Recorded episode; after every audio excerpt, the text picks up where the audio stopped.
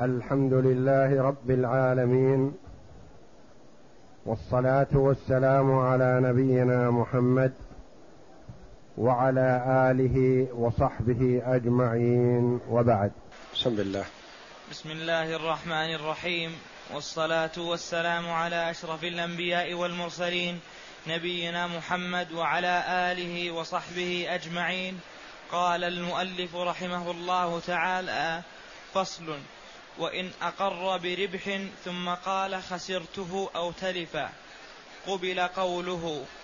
قول المؤلف رحمه الله تعالى فصل فإن أقر بربح. هذا في المضاربة. المضارب أقر بشيء ثم أتى بما يبطل إقراره بما ينفي ما أقر به. هذا لا يخلو. أحيانا يقبل قوله لأنه مؤتمن على هذا ولا يعلم هذا إلا من طريقه. وأحيانا لا يقبل قوله لأنه أقر بحق لآدمي فلزمه. ومثل المؤلف رحمه الله تعالى بمثالين. مثال يقبل فيه قوله ومثال لا يقبل فيه قوله. قول المؤلف رحمه الله وإن أقر بربح ثم قال خسرته. أو تلف قبل قوله. لأن الخسارة ما تعلم إلا من طريقه. ولأن التلف لا يعلم إلا من طريقه وهو مؤتمن على ذلك. فمثلا قد يأتي المضارب إلى رب المال ويقول أعطيتني مليون ريال مضاربة اضارب به. وأبشرك الآن بأنه أصبح الآن مليون وخمسمائة ألف. ربحت فيه خمسمائة ألف.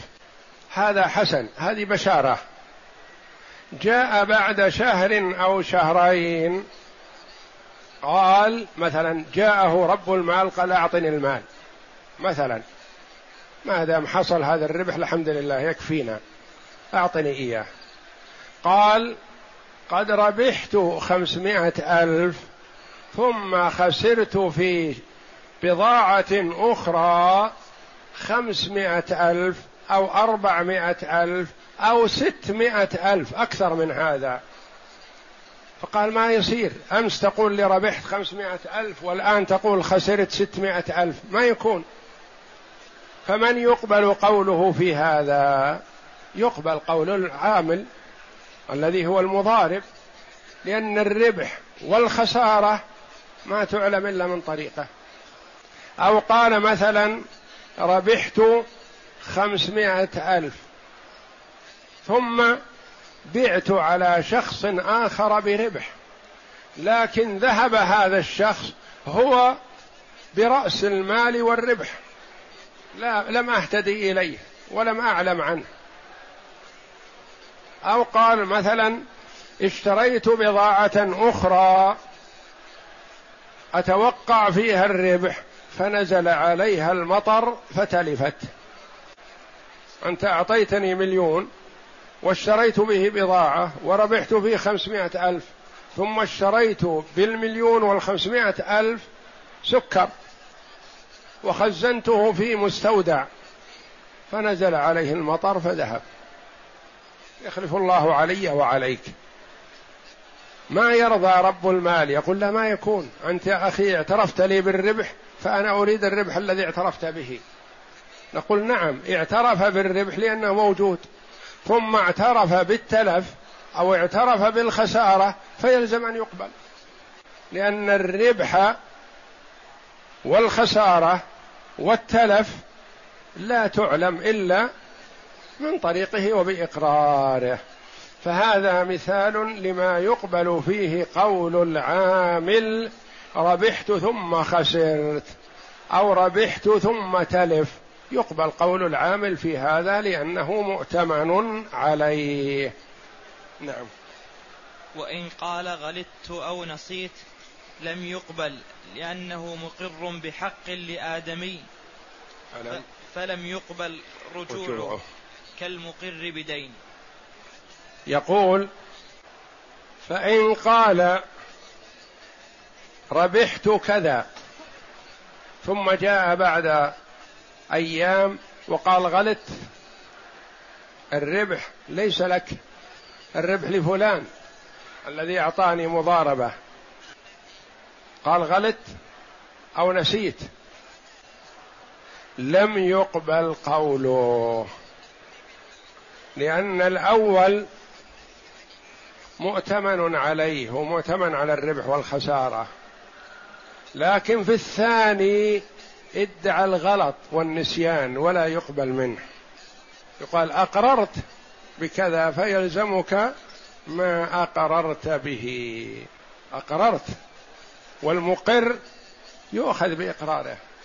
هو ما ادعى إنه دخل عليه من وجه مشروع وخرج من وجه مثله في الربح والخسارة والتلف. لا هذا ادعى النسيان أو ادعى الغلط. فما يقبل منه لا النسيان ولا الغلط. يقال يلزمك لأنك أقررت كأن يأتيه ويقول المبلغ الذي أعطيتني مليون أصبح والحمد لله الآن بالربح مليون وخمسمائة ألف. ثم إن رب المال كأنه خاف من الخسارة ونحو ذلك فقال يا أخي الحمد لله ما دام حصل هذا الربح أعطني رأس المال ونتقاسم وإياك الربح.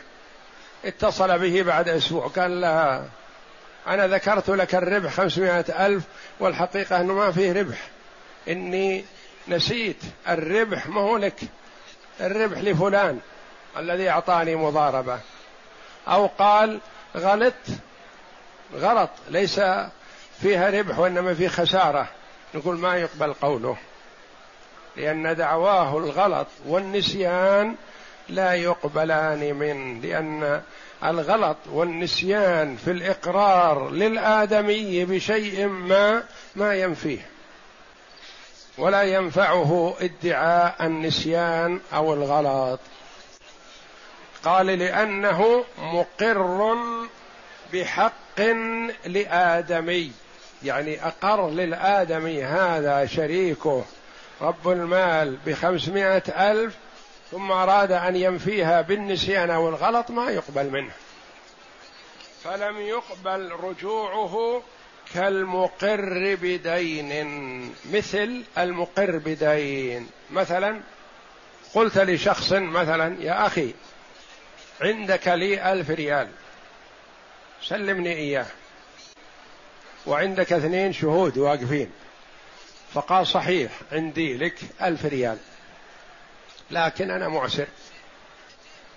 فقلت له يا أخي عندك أموال وعندك سعة أبر ذمتك.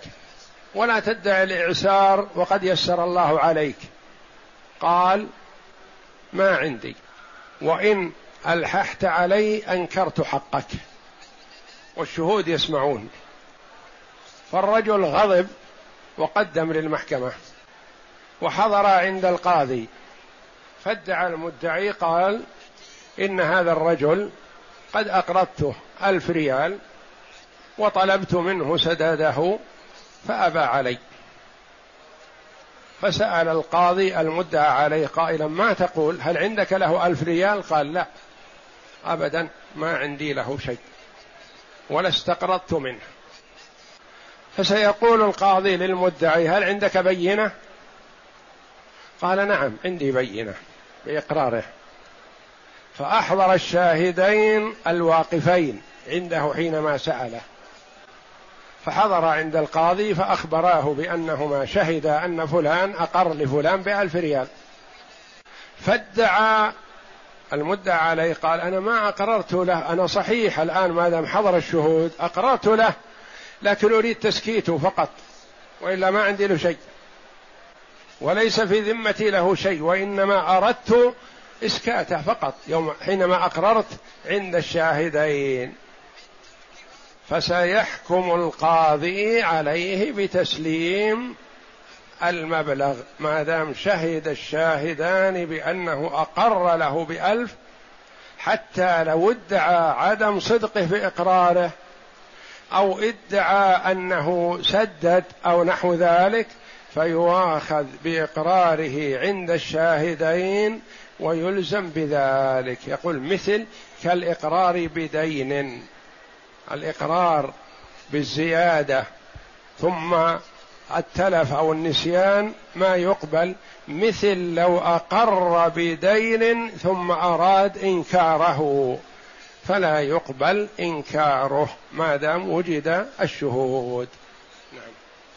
ولو اقترض العامل شيئا تمم به رأس المال ثم عرضه على رب المال فأخذه لم يقبل رجوع العامل ولم يملك المقرض مطالبة رب المال لأن العامل ملكه بالقرض وأقر به لرب المال ويرجع المقرض على العامل.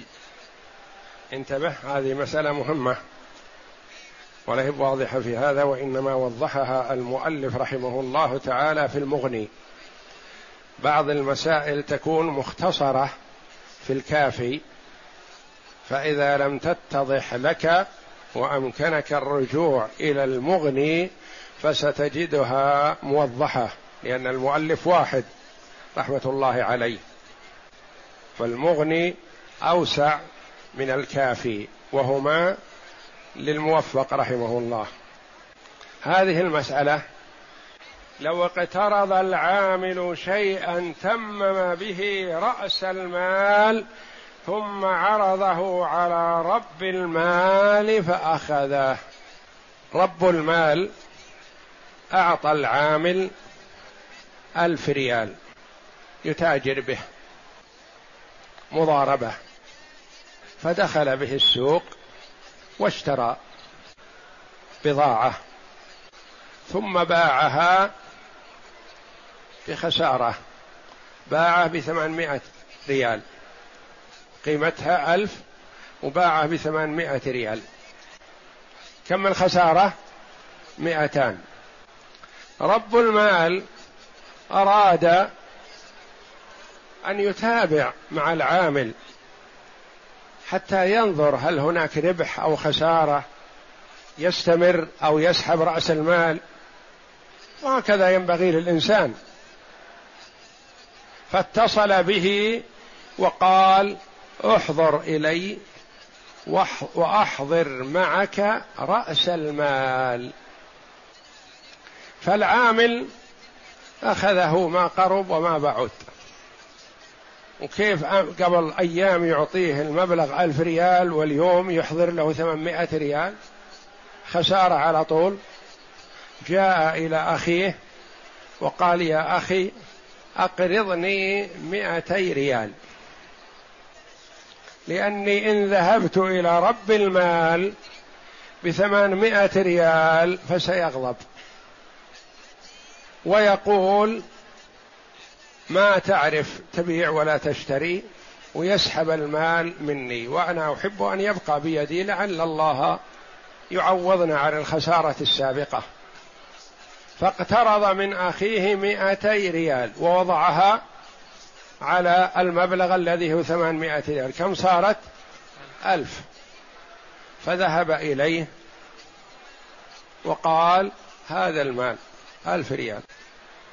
جحد الخسارة واقترض ما يجبر الخسارة. فقال رب المال أنا كان في نيتي إني أترك المال معك لكن ما دام لك فترة الآن ولا تغير رأس المال. وما يدري عن الحقيقة هو نقص. ولا تغير ولا زاد رأس المال فأعطني الألف يا أخي ومع السلامة. أعطني رأس المال ومع السلامة. أخذ رب المال رأس المال. ألف ريال. العامل الآن مطالب لأخيه بمائتي ريال موضوعة من هنا.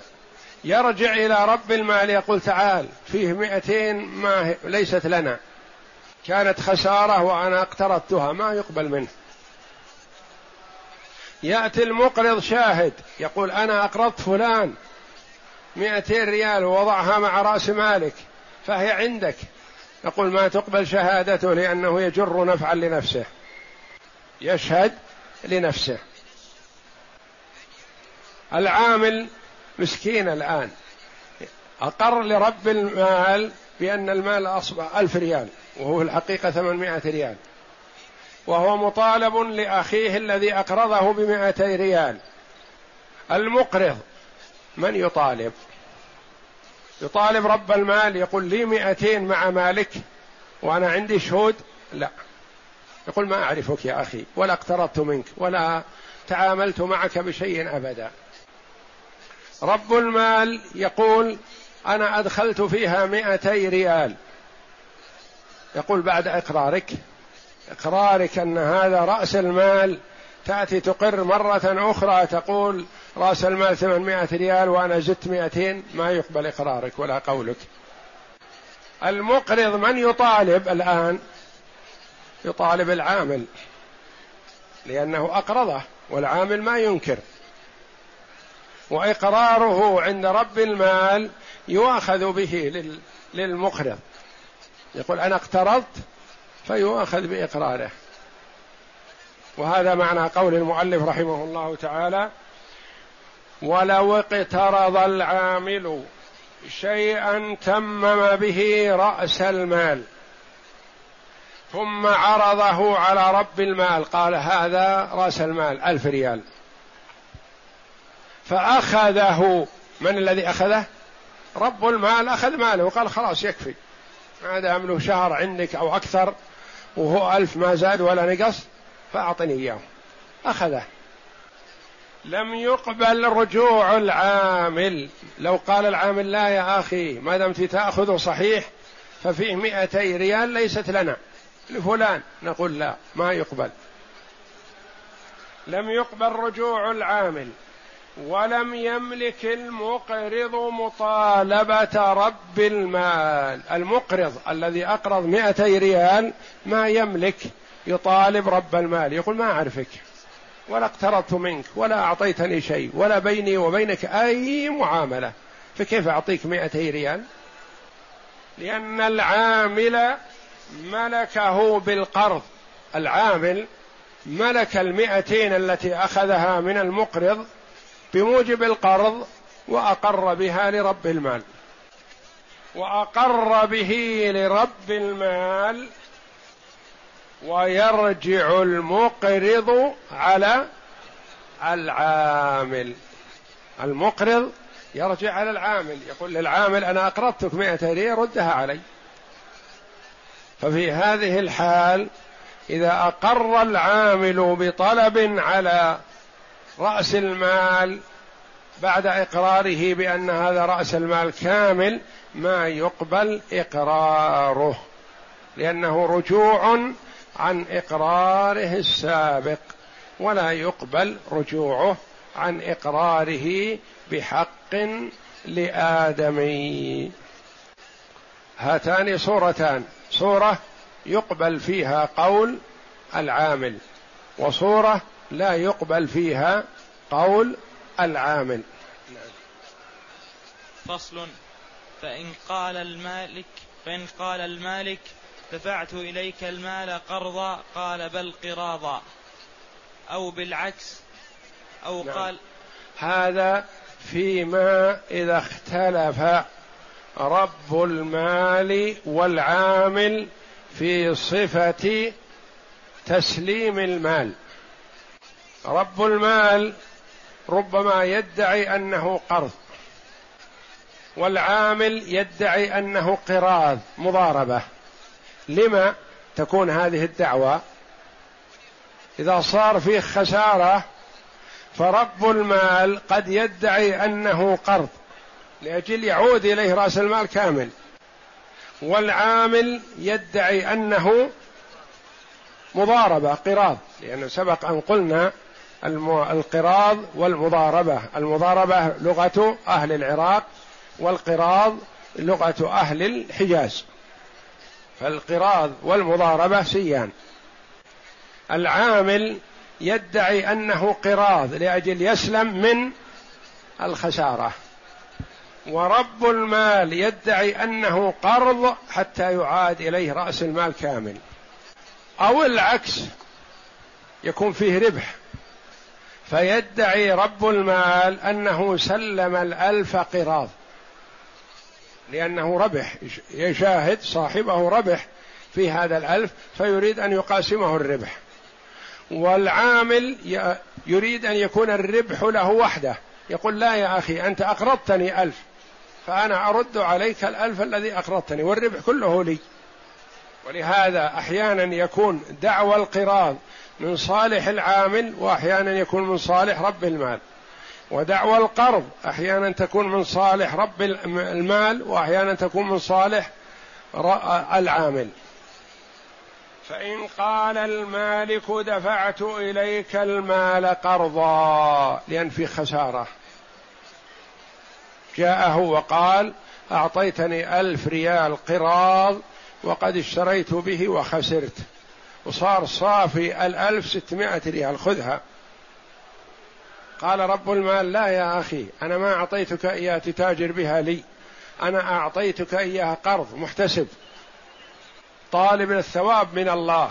فأعطيتك قرض ألف ريال رد لي ألف ريال كامل. ما علي من الخسارة. أو بالعكس.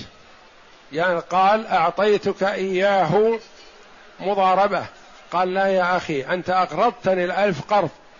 وهذا ألف نصيبك وأنا الحمد لله ربحت في هذا الألف خمسمائة ريال. يقول لا يا أخي الخمسمائة بيني وبينك.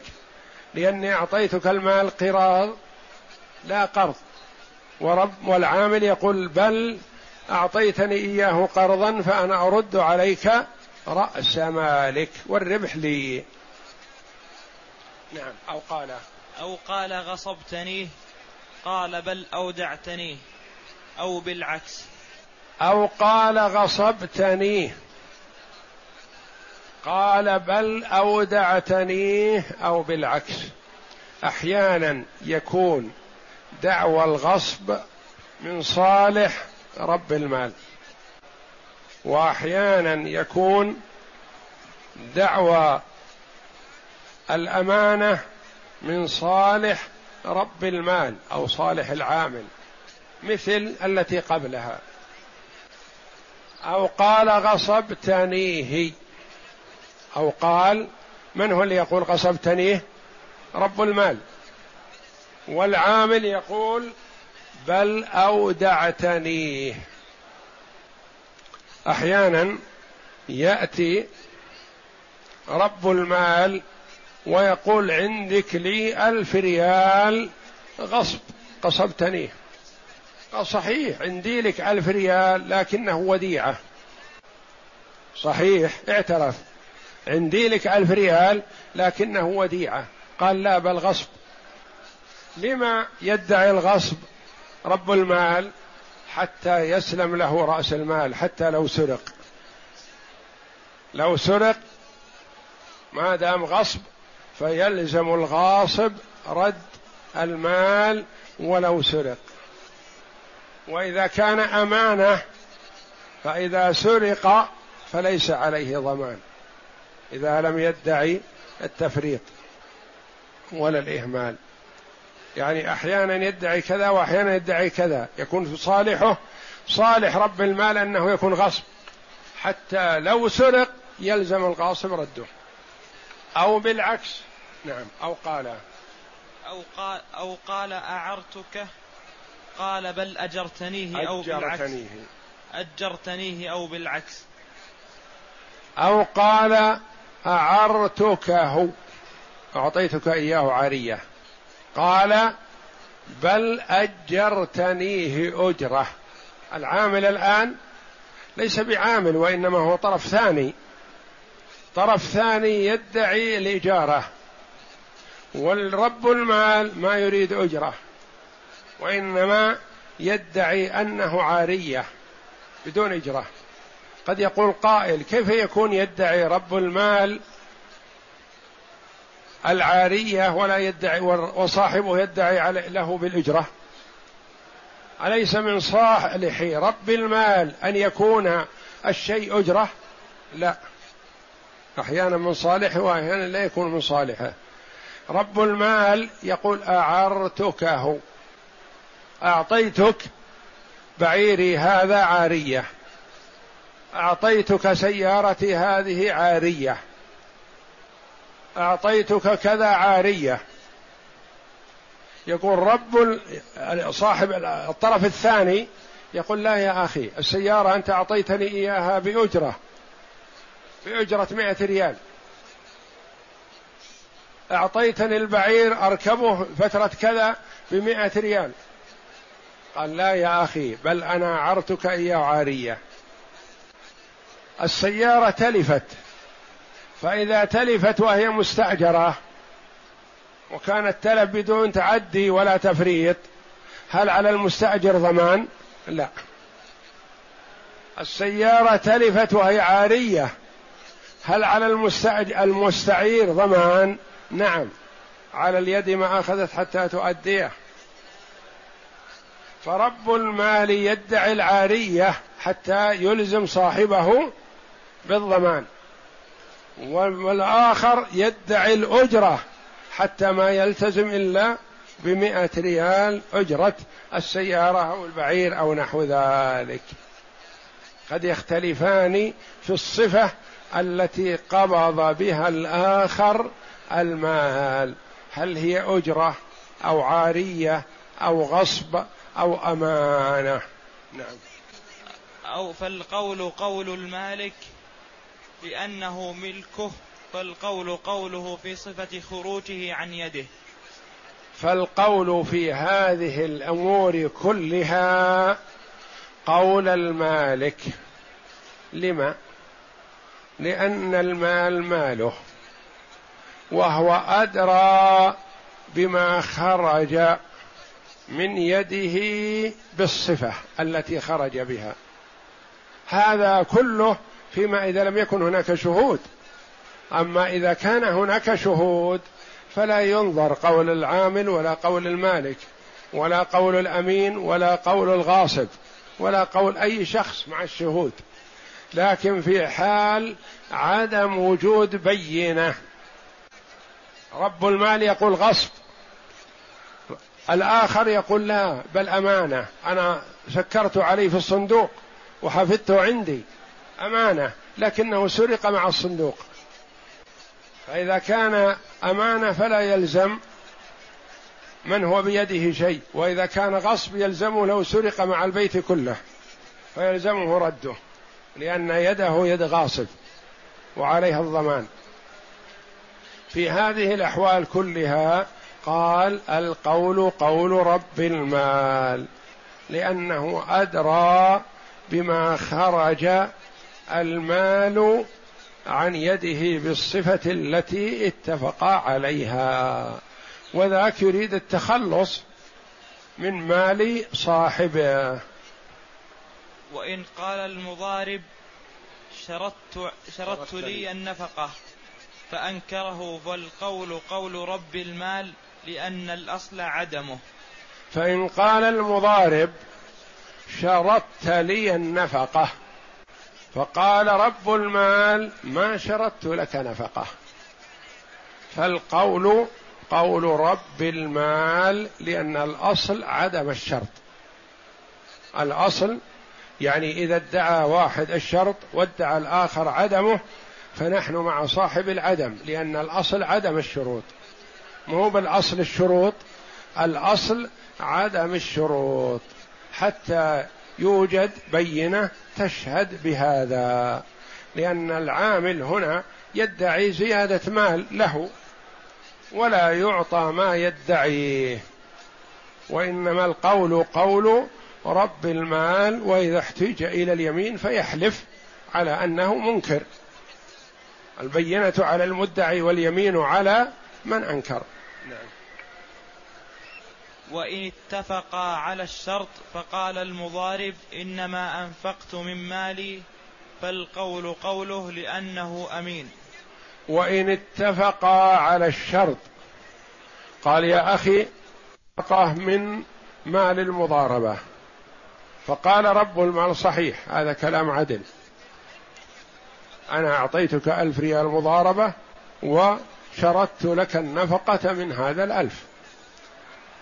فقال أنا ما أنفقت إذا أنا أريد تعطيني الآن النفقة ومقدارها كذا. نقول يلزم رب المال أن يعطيه النفقة لأنهم اتفقوا على الشرط. وإنما اختلفوا فيها. هل أخذ النفقة أو لم يأخذها وكونه أخذها أو لم يأخذها لا يعلم إلا من طريق العامل وهو مؤتمن على ذلك. إذا اختلفا في الشرط فالأصل عدم الشرط. اتفقا على الشرط لكن قال أنا ما أخذت وأريد الآن فله ذلك. نعم. فقبل, فقبل قوله في الإنفاق كالوصي وله الرجوع فقبل قوله في الإنفاق يعني قال أنفقت أو ما أنفقت يقبل قوله. قال كالوصي. الوصي على مال اليتيم مؤتمن عليه وأمين عليه. إذا قال لي النفقة لكني ما أنفقت فيعطى النفقة لأن هذا لا يعلم إلا من طريقه وهو مؤتمن على هذا. نعم. وله الرجوع سواء كان المال في يده أو لم يكن. وله أي للعامل الرجوع بالنفقة حتى وإن أخذ رب المال ماله. مثلا قال رب المال رد علي مالي كله. انتهينا من المضاربة. فأعطاه المال ثم ادعى عليه بالنفقة فيقبل قوله لأن النفقة لا تعلم إلا من طريقه وهو مؤتمن عليها. والله أعلم. وصلى الله وسلم وبارك على عبد ورسول نبينا محمد وعلى آله وصحبه أجمعين.